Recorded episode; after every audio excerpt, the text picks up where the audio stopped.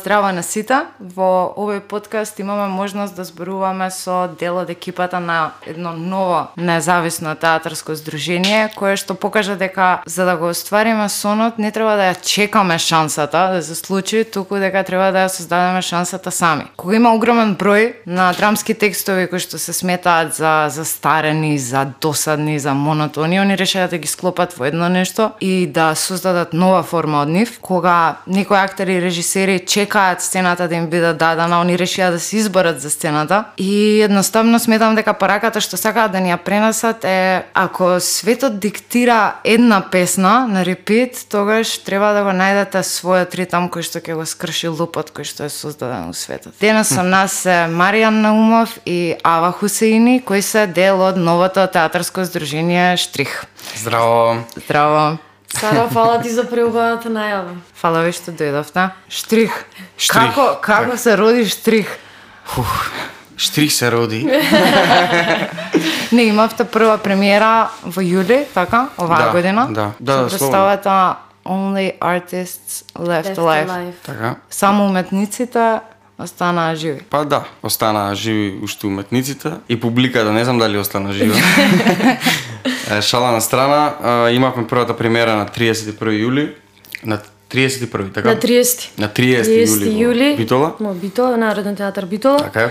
И сега за многу кратко ни е скопската премиера, односно на 17 и 18 месецов. Да. Пошто представата е копродукција а, помеѓу нашето здружение Народен театар Битола и Младински културен центар. Значи на 17 И осум- 18, и 18 октомври играте во МКЦ. Да. А, инаку како се роди штрих, се роди баш токму од потребата да се каже нешто слободно, без да се застанува и да се кочи пред сите овие стеги што ги имаме и баш за нас ни биде интересно, за да нас да ни биде мотивација и за да покажеме дека без ништо, без а, некои дополнителни средства и таму лајт шоа и не знам сцени, некои бимови, не знам што, може да се направи квалитетна, искрена и суштинска представа. Има некоја Да. приказна позади ова, као седевте ти и Ава на Да, Има- Па, имаме ние- пиевте и се договоривте или не знам. Па не, не пиевме. Не, него има меѓу нас као да, се зафракаваме со тоа цело време, како се роди штрих, па седевме ние со другарите, невработени другари и демек се договоривме да правиме здружение. Не, тоа се роди од ковидот, од ковидот, од потребата Тоа се раѓаше. Па Се- се прво се- се раѓаше едно време. Се раѓаше, некое време беше овде као да се создаде некое здружение и да се работи преку тоа, да се да се кажуваат ставови преку него. И мислам дека ковидот тоа што го направи и потребата за да се работи во тоа време кај што никој ништо не работеше, тогаш се собравме, Да. почнавме да читаме текстови и решивме да аплицираме. Меѓутоа тогаш толку беше кратко времето за правење на здружение, само едноставно најдовме текст и тој текст го дадовме на друга продукција. Многу, многу брзо тоа што се решивме. Да, Ама предходно, мислам, ова здружение сега што го имаме, но беше, мислам, пробувавме ние да се склопиме сигурно Да, да, две да, да, години, да, да, сигурно. да, и со различни со луѓе. различни луѓе, пробуваме, па не оди, па не знам што, па не некој посветен, па некој е посветен, Да. па некој работа, па, пошто е независно здружение и ти не можеш ништо да понудиш, не можеш да му го решиш животот на некој, па и својот. Не можеш да го решиш така, ајде, да. финансиски ќе решиме све, имаме ние тука папирологија, све имаме и у фирма дојде од понеделник. Да. И многу е важно да се согласуваме сите петмина, пошто петмина сме основачи, и многу е важно да се најдеме петмина кои што исто мислиме, исто сакаме да кажеме. Тоа е не знам дали е лесно. Пошто еве нашата нашата приказна е дека не беше баш толку лесно, пошто со години се зборуваше тоа да се оформиме, да се и дојде сега дојде редот. И бирани се луѓето, значи.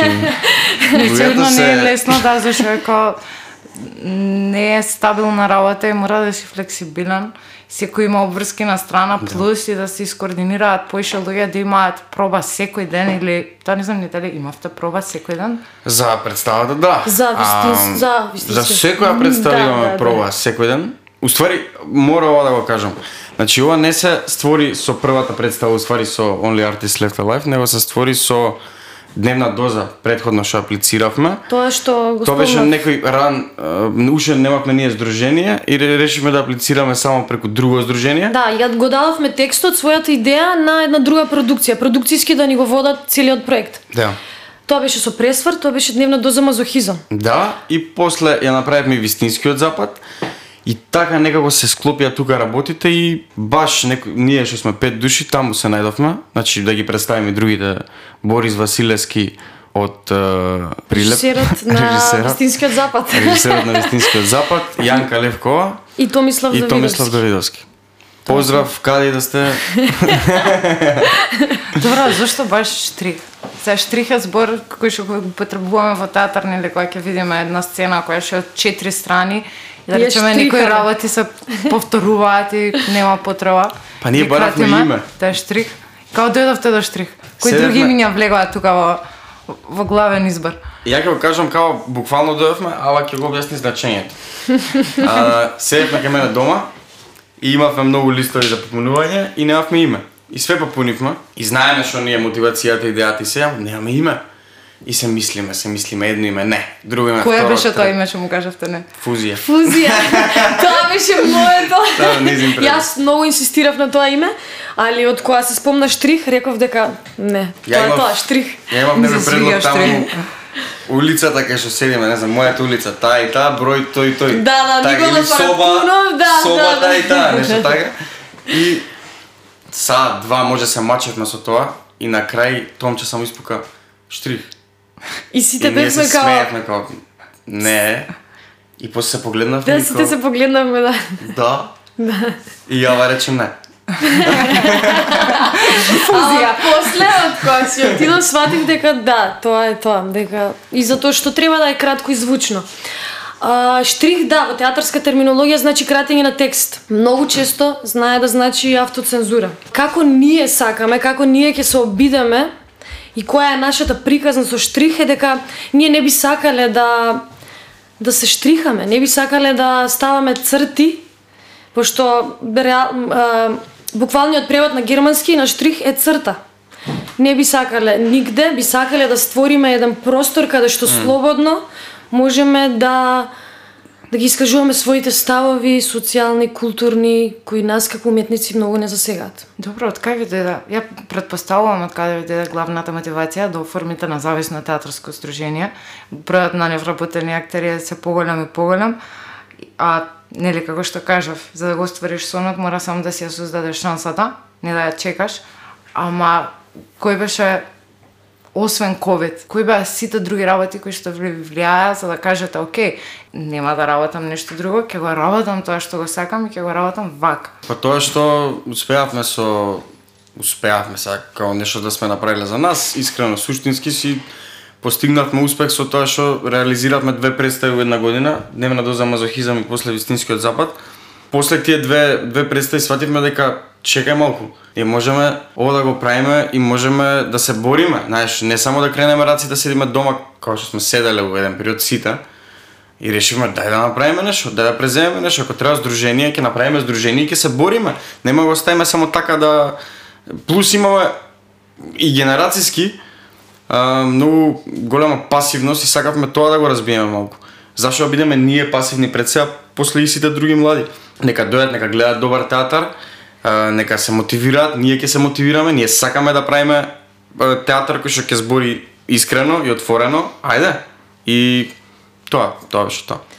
И, и заради тоа што тоа што веќе неколку години ги го гледаме низ државните театри е стварно станува како да кажам алармантно за тоа дека ние треба да работиме нешто ново, дека пр- ние да. Треба да создаваме нови форми, треба да создаваме простор за нови форми, пошто гледаме едно те исто со години, тоа не се менува. И најголемиот проблем според мене не не е ни формата колку што е неискреност. Гледаме на театар некои маски. Као што гледаме и, у- и у реалниот живот се поише маски, се тоа што се презентира на социјални медиуми, сето тоа е, е Лажна стварност, лажна, ствар, се создаваат лажни слики. лажни вредности, некој фейкеризам, што сум против тоа и мислам дека и ние као штрик кога се офор- оформивме бевме као дај стоп на тој булшит, ако може да кажам. Смеам? Штрих на булшито. Да, штрих на булшитот. А Јас ја немам гледано уште представата, немав како ќе ја гледам на 17 или 18. Ама првиот пат кога го про- прочитав насловот Only Artists Left Alive, одма ми текна на филмот.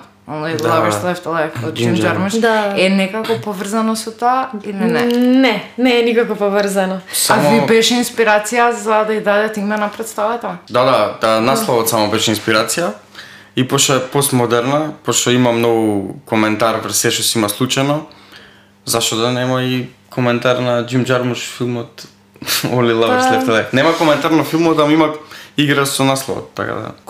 Кул. Зошто од тоа што прочитав, барав на интернет да најдам нешто за представата, за да се спремам и за денес и за кога ќе ја гледам. Тоа што открив е дека имате земено повеќе драмски текстови, што се познати, класици, од антика па се до сега. Имате издвоено До, постмодерно. Имате издвоено сцени и имате од тие сцени направено ваша представа. Така е, точно е. Да, да, Да. точно, точно. Добро, што како? Зошто баш го одбравте тоа и што сака тие сцени во вашата форма, во формата што ја создадовте да кажат? Која е пораката? Ке кажеш ли или И ја да кои сцени се Работиме да од антика до постмодерна, тоа се Антигона, работиме од Значи, неза... првата сцена почнува со Фауст. Фауст е, Фауст е независна од сите други сцени што следуваат понатаму. После Фауст е... а, е После Фауст етидата со... со... Неандерталците. со- Да. со почетокот на светот. Потоа почнуваме со Антигона, значи од почетоците на, на театар. Антигона, па одиме со а, Титандроник, Шекспир, одиме И така со натаму, и така не натаму, и откривај натаму, сега. и така натаму, и Така, така да. натаму. Не, Пошто целата, Сара рече да откриеме. целата поента само за исклу... значи ексклузивно само за културен подкаст. Целата порака на представата. Не, а, а, Целата порака на представата е тоа што а, сакавме да покажеме, а, пошто дојавме до заклучок дека од која постои човекот, од која постои театарот, ништо не се менува. Уметниците цело време покажуваат и укажуваат на тоа што се случува у тој момент у обштествените околности и на сите проблеми кои што ги има обштеството до тој момент и луѓето гледаат и ништо не се менува. И сакавме да покажеме дека и до ден 3000 денес години. После 3000 години уметност, пак уметниците пробуваат се мачат тука да покажат нешто што стварно е суштински проблем и ништо не се менува. И историјата на театарот исто така е фатена тука. Историјата на театарот се Низ призмата, низ призмата на актерот и на ликови, важни ликови, ама дека постојано се повторува историјата, тоа ни беше како главното дека постојано ние ги правиме истите грешки, ние ништо не научивме 3000 години. И ликовите, извини што те прекинав, не се херои у представа, него се антихерои. Затоа што кога ќе го земеш у, у, у таа призма, кога ќе го видиш у таа призма дека ништо не постигнал тој лик со таа негова цела идеја, и тој писател и тој период, нема, нема херој тука, тоа е само антихерој, еден лик што се мачи да, да, да каже нешто и на крај он станува кловн, палјач. Колку, колку, колку време ви требаше да направите ова? Колку време ви требаше, не знам, препрочитувавте драми, ги Да, наоѓавте. да. Прво е, прво е одбравте на соката кога што сакате да одите, па потоа почнавте да истражувате, да спојувате делчиња, да пробувате ствари. Стори, вие бевте во представава и драматурзи и Не, не, Не, е, Стефан Миленков е драматургот. Првичната идеја беше да работиме други текстови, после ова е идеја на Мартин да да се работи ова, да да се работи да се работат различни текстови од антика до денес со кои што ние бевме целосно инволвирани во процесот. Мислам не беше не беа само Мартин и Стефан, бевме сите уклучени во тој процес. Да, препрочитувавме текстови, гласавме што како кои текстови да бидат, али имавме кратко време за работа во Битола. Да, ама беше- активно работевме, ба изолирани бевме у Битола и пф, немавме нешто друго да правиме, бевме отргнати од сите други Да, отидовме баш на work and travel као во Битола, затоа што никој не беше од Битола и бевме буквално само на проби. И тоа е многу важно кога пошто немавме пријатели, со никој не се гледавме, само само ние бевме таму и работевме цело време. Оса не е дека немавме пријатели, имавме После, после Понекогаш- колку време понекогаш бевте пријател. од Битола? Колку време бевте од Битола? Па два месеци, месеци и нешто. Скоро два месеци, скоро два месеци. скоро два месеци тоа беше едно многу убаво искуство. Да, да, стварно. Која е првата интересна случка што ви проаѓа низ глава? Која ќе се навратите на процесот?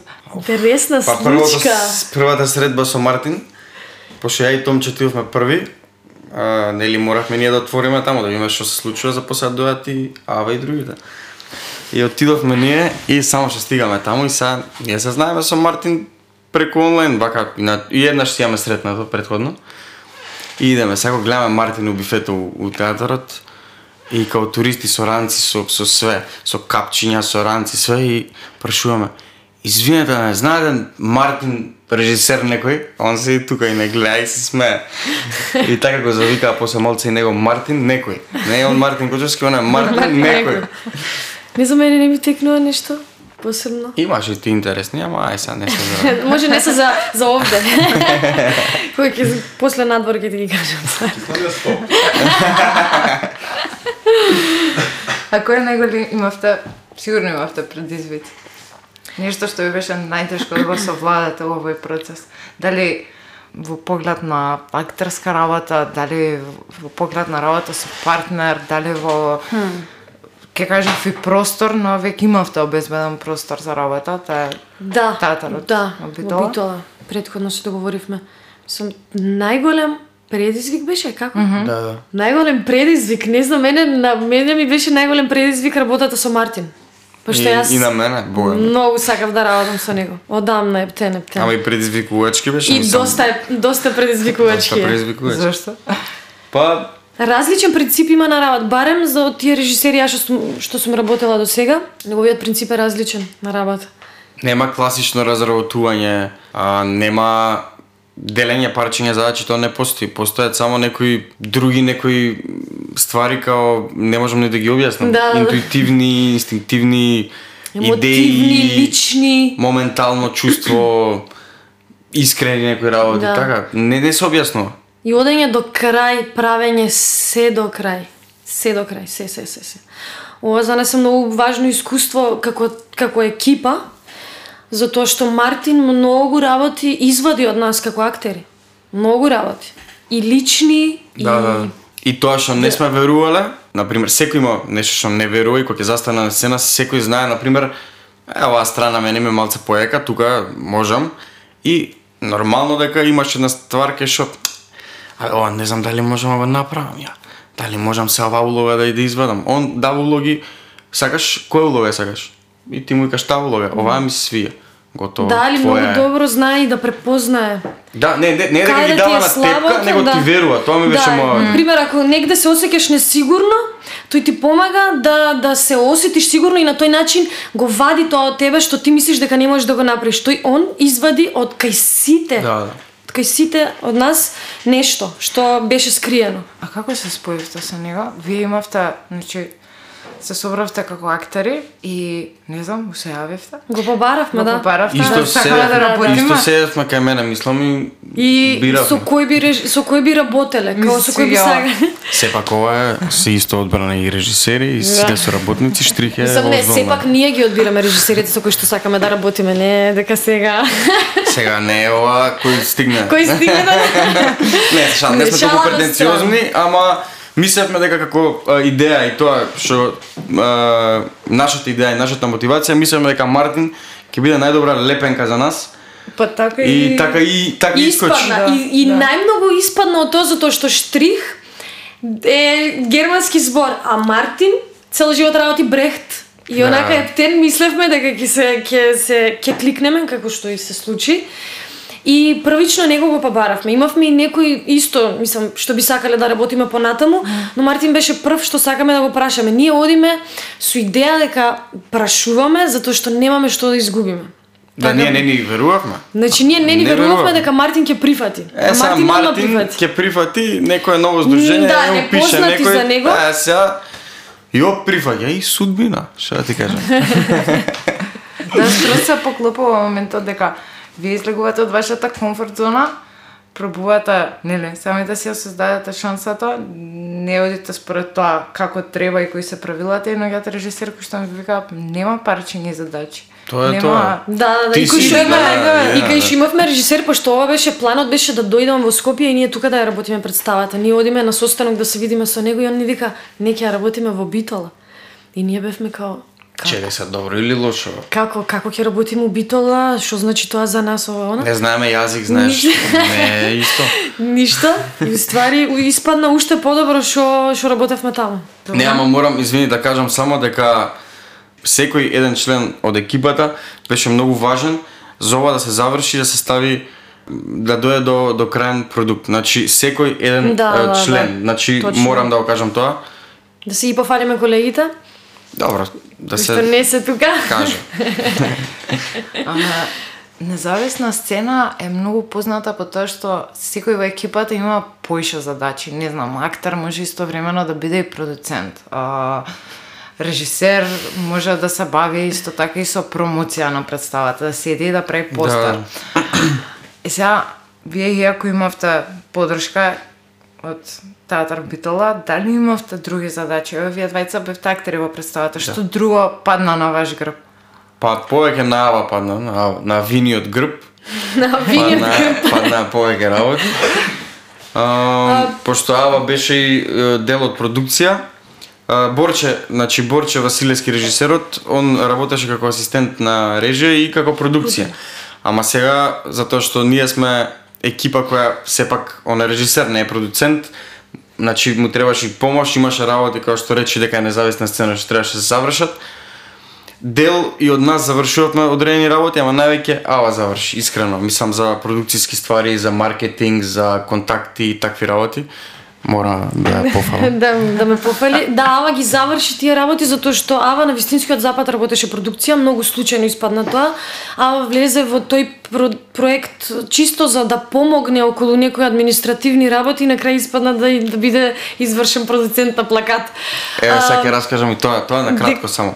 Јас бев носител на проектот, сватив во еден момент дека многу работи Треба и да игра. ми, ми и- бега ми бега работите од од вага од, од, од конец ми ми бега и викам морам да најдам а, некој што ќе ми помогне и ава ја побарав и стварно да не беше ава исто и тој проект, ај многу фале. Да, да, многу испадна. Не само сакав да кажам дека а, околностите беа такви што одедно тргна другите работи, што тоа едно испадна многу случај, многу случајно, тоа со Вистинскиот запад и дека а, многу беше важно за мене и значајно и дека нема ништо лошо во тоа да сите гинеме заедно, за сите да работиме се што треба да се направи за проектот.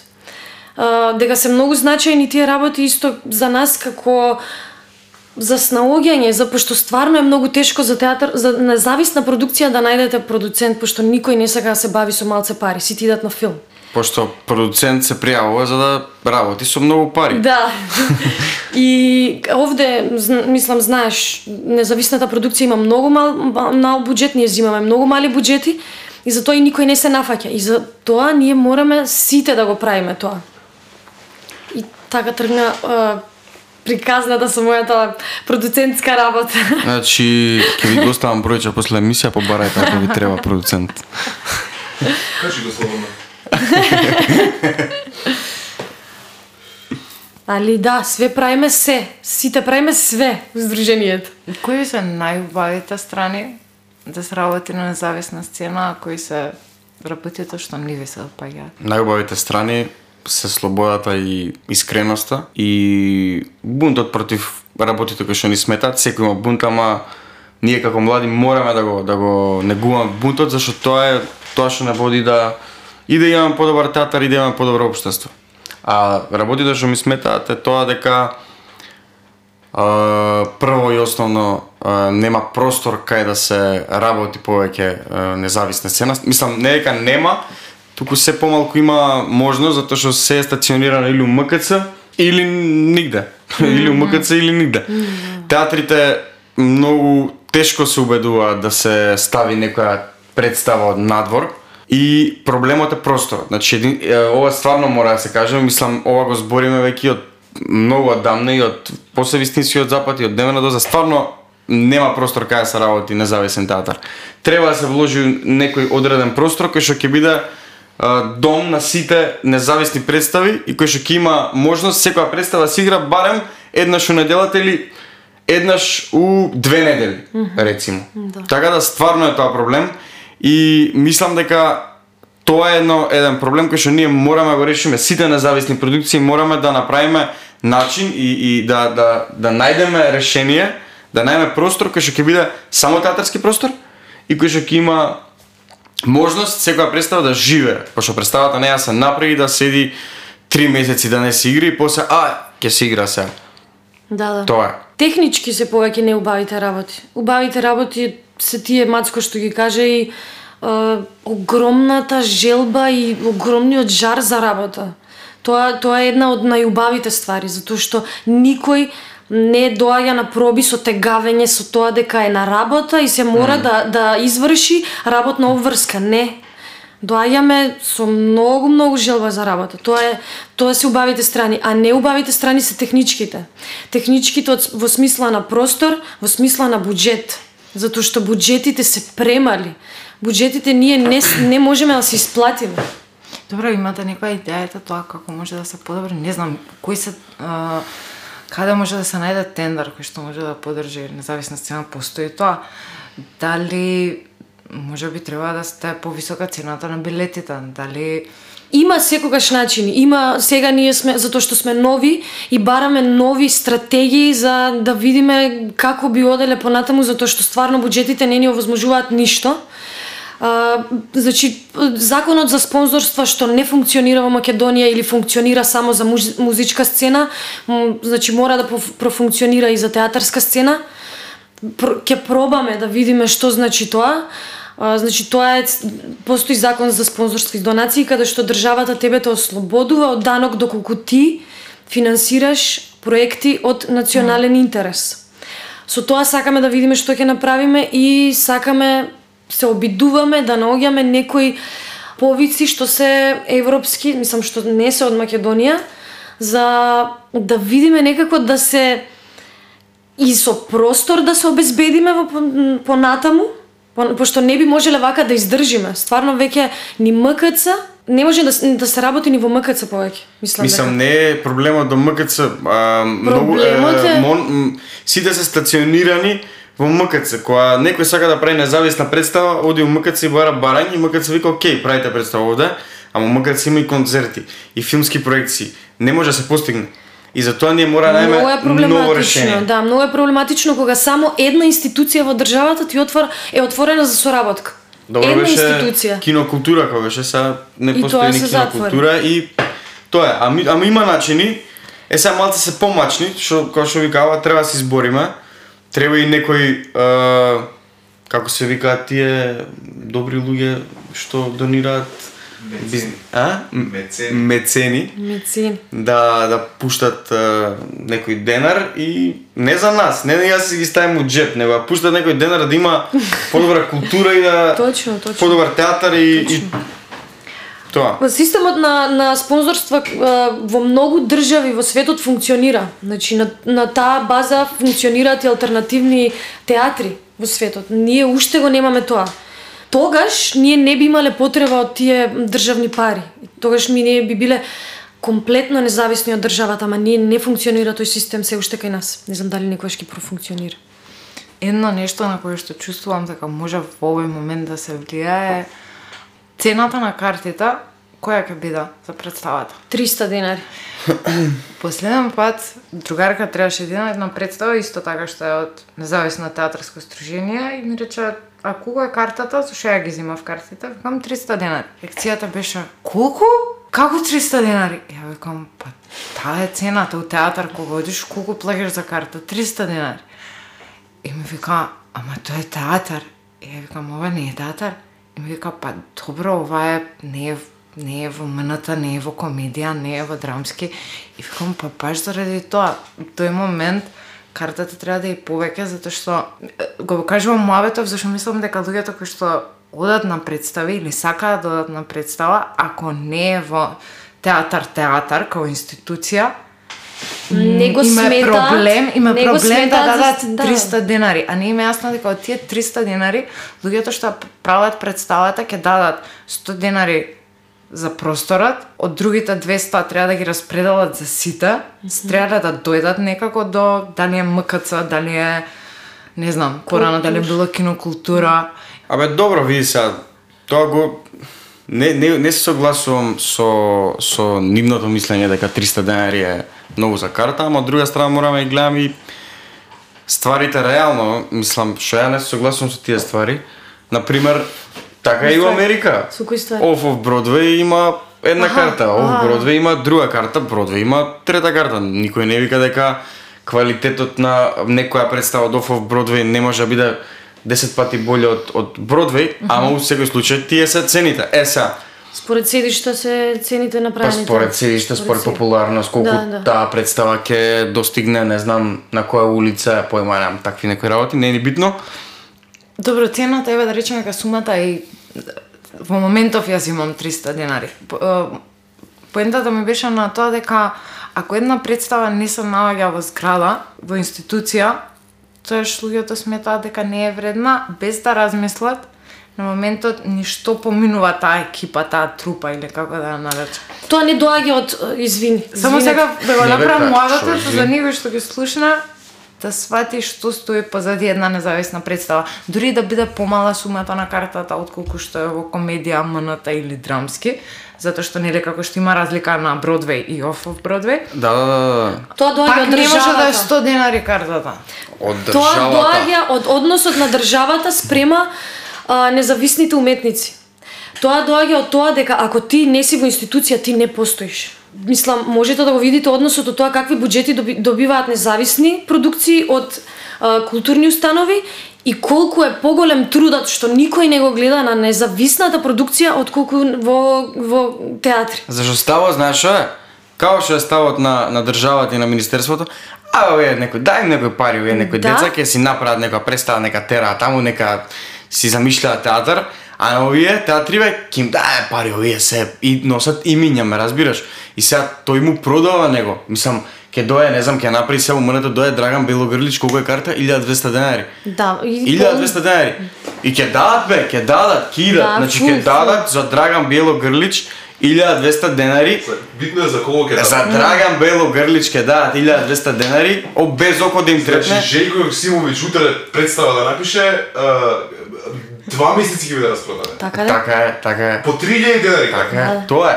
Значи без разлика, он може да земе да искочи на сцена и да се а, со извинение се искење на сцена и ќе дадат 1200 денари и ќе му аплодираат зашо не Драган Бело Грлич. Ја не викам дека Добро би го, човекот дали би го направили на тоа, не да го земете баш Белогрлич или Белогрлич кој да е.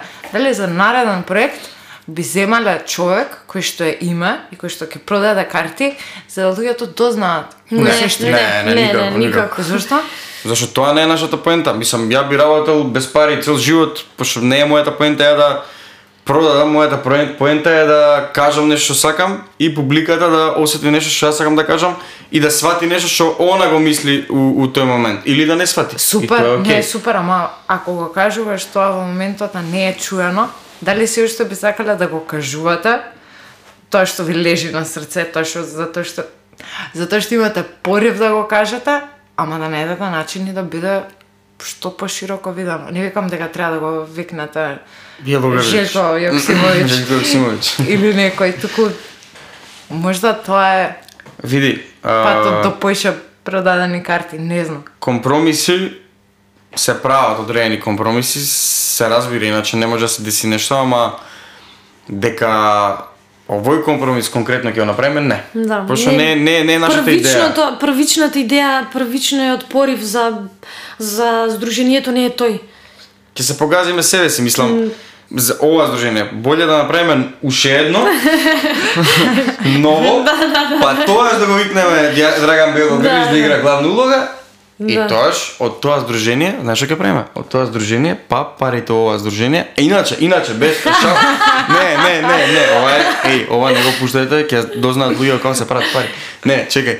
Uh, шала на страна. Иначе, uh, еден лик, еден режисер, Џон Касаветис, у, у време кога филмов станува многу, холивудскиот филм станува многу популарен, снимаат многу, прават парче, значи лом се прави, он решава да ќе прави алтернативни филмови само со него буџет. Ама како ќе правиш алтернативни филмови со твој буџет ако немаш буџет, така? И он знае да што прави. Иде, игра у тие холивудски филмови, значи игра у најскапите филмови, зима пари, сите пари што ќе ги земе, мислам добро, sad дел си ги трга на страна, парите што ќе ги земе ги става у своја Браво. продукција и си снима своји филмови. И нема тука определување 8 минути ќе ти трае сцената. 20 минути ќе ми трае сцената. Колку сакам. И он го хакнал системот. Ние тоа треба да го правиме. Реално. Да. Да одговориме на прашањето? Го- што бе? Кај беше прашање? Кој беше прашањето? А колку е карта? 300 денари. Дека 300 денари на од- 17 или 18 во МКЦ. а, Во Сакам да МКЦ. кажам дека не не се криви, не се не е народот крив. не се криви, не е крива публиката или за нешто, туку дека тој однос доаѓа од државата. Тоа дека државата нема однос према овие независни културни работници. Ама од предходната година има многу поголема посетеност на независна продукција во МКЦ пример. Затоа и МОД лани имаше независен блок само на независни продукции. Со тоа што можда публиката почнува да сваќа и да гледа подобри производи во независниот театар отколку во Да, да, дефинитивно. Значи можда почнува полека да се буди и така доаѓаат промените. Еден ќе дојде ќе каже на друг. Друг двајца ќе додат, па така и полека полека може да тој систем на промени може да може нешто. Не, можда може ќе смени за едно 500 А, да, години. спом, го спомна мод. Баш денес ми излезе на Инстаграм дека може да се пријавуваат а, Да. независни театарски Да. представи до 19 ќе се пријавите. Ќе се пријавиме, Да, да. да. Со тоа што оваа година, да, они имаат нов, нов начин на селекција. А, само за културен подкаст. Ќе се пријавиме, да, и баш би сакале да, да, да учествуваме. Пошто тој за нас, за мене е еден од подобрите фестивали во државата, театарски фестивали. А кој е новиот начин на селекција? Со пријавување. Предходно беше на база на договори, сега е со пријавување и ќе се прави некаква селекција. да, супер е тоа. И ако не ни изберат, пак ќе биде супер, мислам. Не, нема да биде супер. Еј. Мора да ни изберат. Да се вратам на представата, која што на 17 и 18 октомври ќе се игра во МКЦ и треба да одите да ја погледнете. И јас би сакала да можам да ви кажам во моментов зошто треба да ја погледнете, ама целиот подкаст е најава за представата. Јас се уште ја немам гледано, затоа ќе ве прашам вас двајца во неколку зборови зошто публиката смета дека треба да дојде и да ја погледне представата. не е нешто што се гледа секој ден во театар. Стварно не е нешто што се гледа во сек- секој ден во театар. Зашто? Затоа што е искрено и затоа што нема Нема некој, нема некои ствари што се кријат, се збори за денешно време, се збори за секое време, ќе свати и човек од 10 од, од 10 не, ама од 20 години па нагоре ќе сватат сите, така да и ќе и ќе ги добре, вер, верувам, пошто се збори за сите работи што се случуваат денеска преку работите што се имаат случано во текот на историјата на уметност. Така да важно е да се гледа бидејќи ќе се пронајдеш себе си у неа, претпоставувам. Добро. Како го доживувате штрихот сега за 5 години? Ова е баш онакво прашање као на крајот основно. Кажи каде се гледаш себе си за 10 години. Мајко, скратив за 5 поблиску. Голем театар, огромна сцена, 900 седишта. Не се шалам, не, го доживувам како? Знаете, како го доживувам, а, ние сега се фокусираме на тоа што ќе работиме следно. А, имаме идеја и за понатаму, нормално, не замислуваме ништо посебно, зашто не знаеме што ќе ни донесе времето. Идејата е таа, луѓето се тие и борбата останува иста, може уши и појака, така да ќе видиме до што ќе не донесе. Имаме ние некои цели, а, ама пред се не води идејата и борбата, тоа е тоа. А, за пет години само се надевам дека ќе остане истиот жар што моментално го имаме. Дека нема да се раштркаме на унатаму ќе се вработ, ќе да се вработиме по државни театри па да го изгубиме жарот. Се надевам дека тоа ќе остане. Целиме кон тоа не за пет години, ама за понатаму да имаме свој простор, пошто кој што кажавме, многу е проблематично. И тоа да и за пет години некоја регионална соработка. Пошто тоа исто ни е една од целите. И да Може. порасне. А спомна нешто, веќе знаете што е следно, имате идеја за следното нешто, што е тоа? Следно е нова представа. А која представа? уште не знаеме, имаме идеи што сакаме да да кажеме сепак и да направиме, ама се уште сме во нема да откриваме. имаме имаме планови, имаме, значи стварно сме во подготовки на програма, пошто нема само да додиме во театарскиот дел, имаме и едукативен дел. Исто така пробуваме, ете сега ќе пробаме и во некој во издавачкиот дел да се прошириме. Така да не би откривале многу, само дека дека работиме, дека постојано нешто се планира, се бараат начини. Доста е, доста е, не Толку, открива толку многу. толку. Кои делови, кои сегменти од представата се според вас најуникатни? Уникатното е тоа што представата е склоп на, на повеќе работи. Значи, освен што имаме ние парчиња, актерски ликови, се тоа така натаму и сцени, во сцените значи, имаме метнато и музика, и музички парчиња. Значи, пееме, играме, свириме, Свириме. свириме со доста инструменти. Значи, имаме електрична гитара, имаме укулеле, имаме казу, Казу. Имаме една Синтесайзер? синтесайзер, да, имаме една голема а, како се вика тоа? бе? Буре. Бо- На буриња буре, на буриња се свири малце. И со секири цепеме дрва и тоа исто. Исто ритмички го прави, да. Во ритмот на И да, и со Јанка пее на тоа. да и Јанка пее на мегафон. На мегафон. Многу открив. и а, исто така Кој пее најдобро од сите Јанка. вас? Јанка.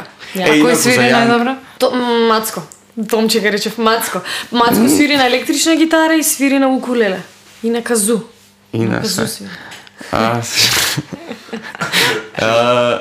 вака, иначе за Јанка мора да се кажа дека Јанка кога почна да кога почнеме да работиме представата, као Абе, имам слух за музика, да ме... Не знам да свирам, не знам нешто. И фаќа сайзер, Свирење синтесайзер. свири малце. Абе, не знам ја, не. И викаме мора Цела да свириш. представа свири Ама не, не можам ја да свирам, немам поима, не знам ништо. И баб, Јанка за месец и пол научи 4, 5, 6, 5, може Да, и више. да. И ги свири перфектно представата. Сада пупу да не направам се. Да. Све сами правиме тоа. Сакаме да го кажеме за крај вака. Свириме, пееме. Се дружиме, комуницираме, играме, глумиме.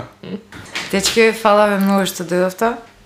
Фала и на Значи, вас. Фала ти тебе, Се надевам дека си поминовте убаво, дека си беше окей. Да. Супер. Супер беше.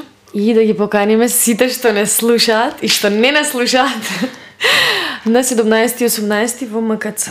Се гледаме во МКЦ. Се гледаме. Чао. Чао. Поздрав. Чао. Чао.